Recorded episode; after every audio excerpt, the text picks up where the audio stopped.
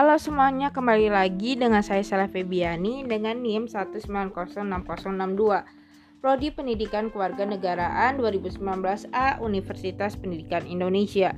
Dengan sama dengan episode sebelumnya, di sini saya akan memberikan tanggapan saya dari presentasi yang telah dilakukan oleh rekan saya sebelumnya dan di sini juga saya akan menambahkan jawaban dari pertanyaan Rotu yang mana telah dijawab oleh rekan saya sebelumnya itu dari kelompok 3 yang mana kelompok 3 sendiri membahas mengenai materi kenakalan remaja. Dari segi presentasi, dari video presentasi yang telah diberikan oleh kelompok 3, menurut saya sudah cukup bagus baik dalam segi penjelasan materi ataupun penyajian videonya. Selain itu juga di sini saya akan memberikan tanggapan dari materi yang telah diberikan oleh kelompok 3 mengenai kenakalan remaja tersebut di mana menurut saya pribadi sudah cukup jelas dan mendetail mengenai materi kenakalan remaja yang telah diberi yang telah diberikan oleh kelompok 3. Namun di sini saya ingin sedikit menambahkan materi saja di mana materi yang ingin saya tambahkan yaitu mengenai faktor-faktor penyebab terjadinya kenakalan remaja.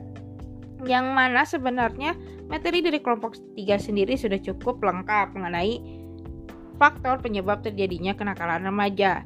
Nah, tambahan saya itu dari faktor keluarga di mana menurut saya faktor dari dalam keluarga ini yang menyebabkan remaja melakukan suatu kenakalan bukan saja karena keluarga tersebut hancur atau bisa disebut dengan broken home, lalu pelindungan orang tua yang terlalu berlebihan atau bisa dibilang dengan over of protective dan pengaruh buruk dari orang tua sendiri. Tetapi seorang remaja melakukan kenakalan remaja bisa juga dilandasi karena si anak ingin mencari perhatian dari orang tuanya. Hal ini biasa dilakukan oleh anak karena orang tuanya itu terlalu sibuk bekerja sampai lupa tugasnya sebagai orang tua di mana selain mencukupi kebutuhan si anak, orang tua juga mempunyai tugas untuk memberikan kasih sayang kepada orang kepada anaknya.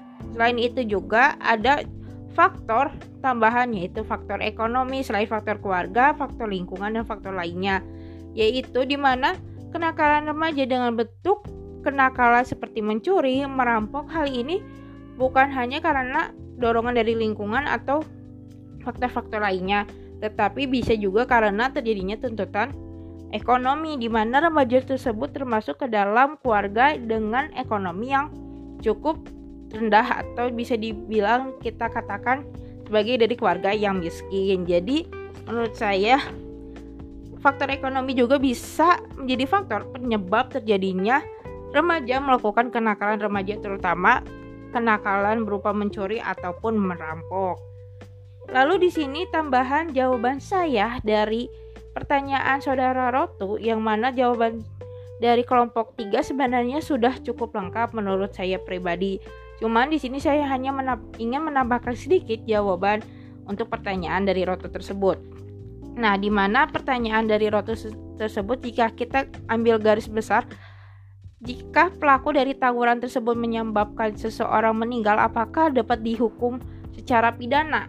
Nah, sebenarnya di, jika pelaku tersebut di atas 14 tahun sampai 18 tahun uh, pelaku tersebut sebenarnya sudah dapat dipidana. Cuman yang menjadi patokan hukum pidana kepada pelaku bukan uh, hukum pidana yang biasa diberikan kepada orang dewasa tetapi ada hukum sendiri yang mengatur untuk anak-anak seperti yang telah dijelaskan pada ada pada Undang-Undang Nomor 23 tahun 2000 tentang perlindungan anak atau yang telah diubah dalam Undang-Undang 35 tahun 2014 tentang perlindungan anak.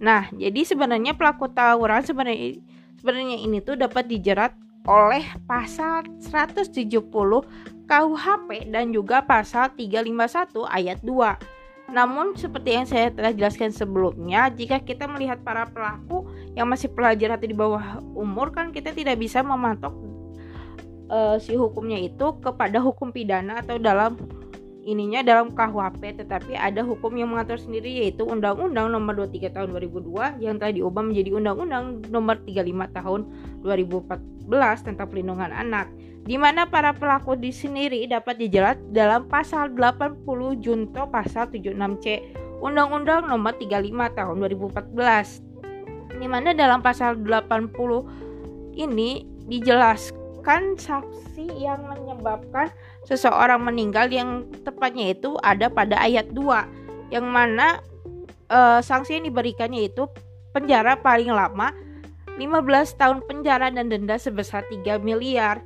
Namun, jika kita berpatokan pada Undang-Undang Nomor 11 Tahun 2012 tentang Sistem Peradilan Pidana Anak bahwa uh, pidana yang diberikan kepada anak yang berupa pidana penjara harus setengah dari pin, uh, dari pidana penjara bagi orang dewasa. Jika misalkan orang dewasa itu paling lama itu 15 tahun penjara sehingga si anak itu paling lama maksimal itu selama sekitar 7 sampai 7 setengah tahun. Sekian dari saya, mohon maaf jika ada kekurangan. Terima kasih. Sampai bertemu lagi di episode-episode selanjutnya.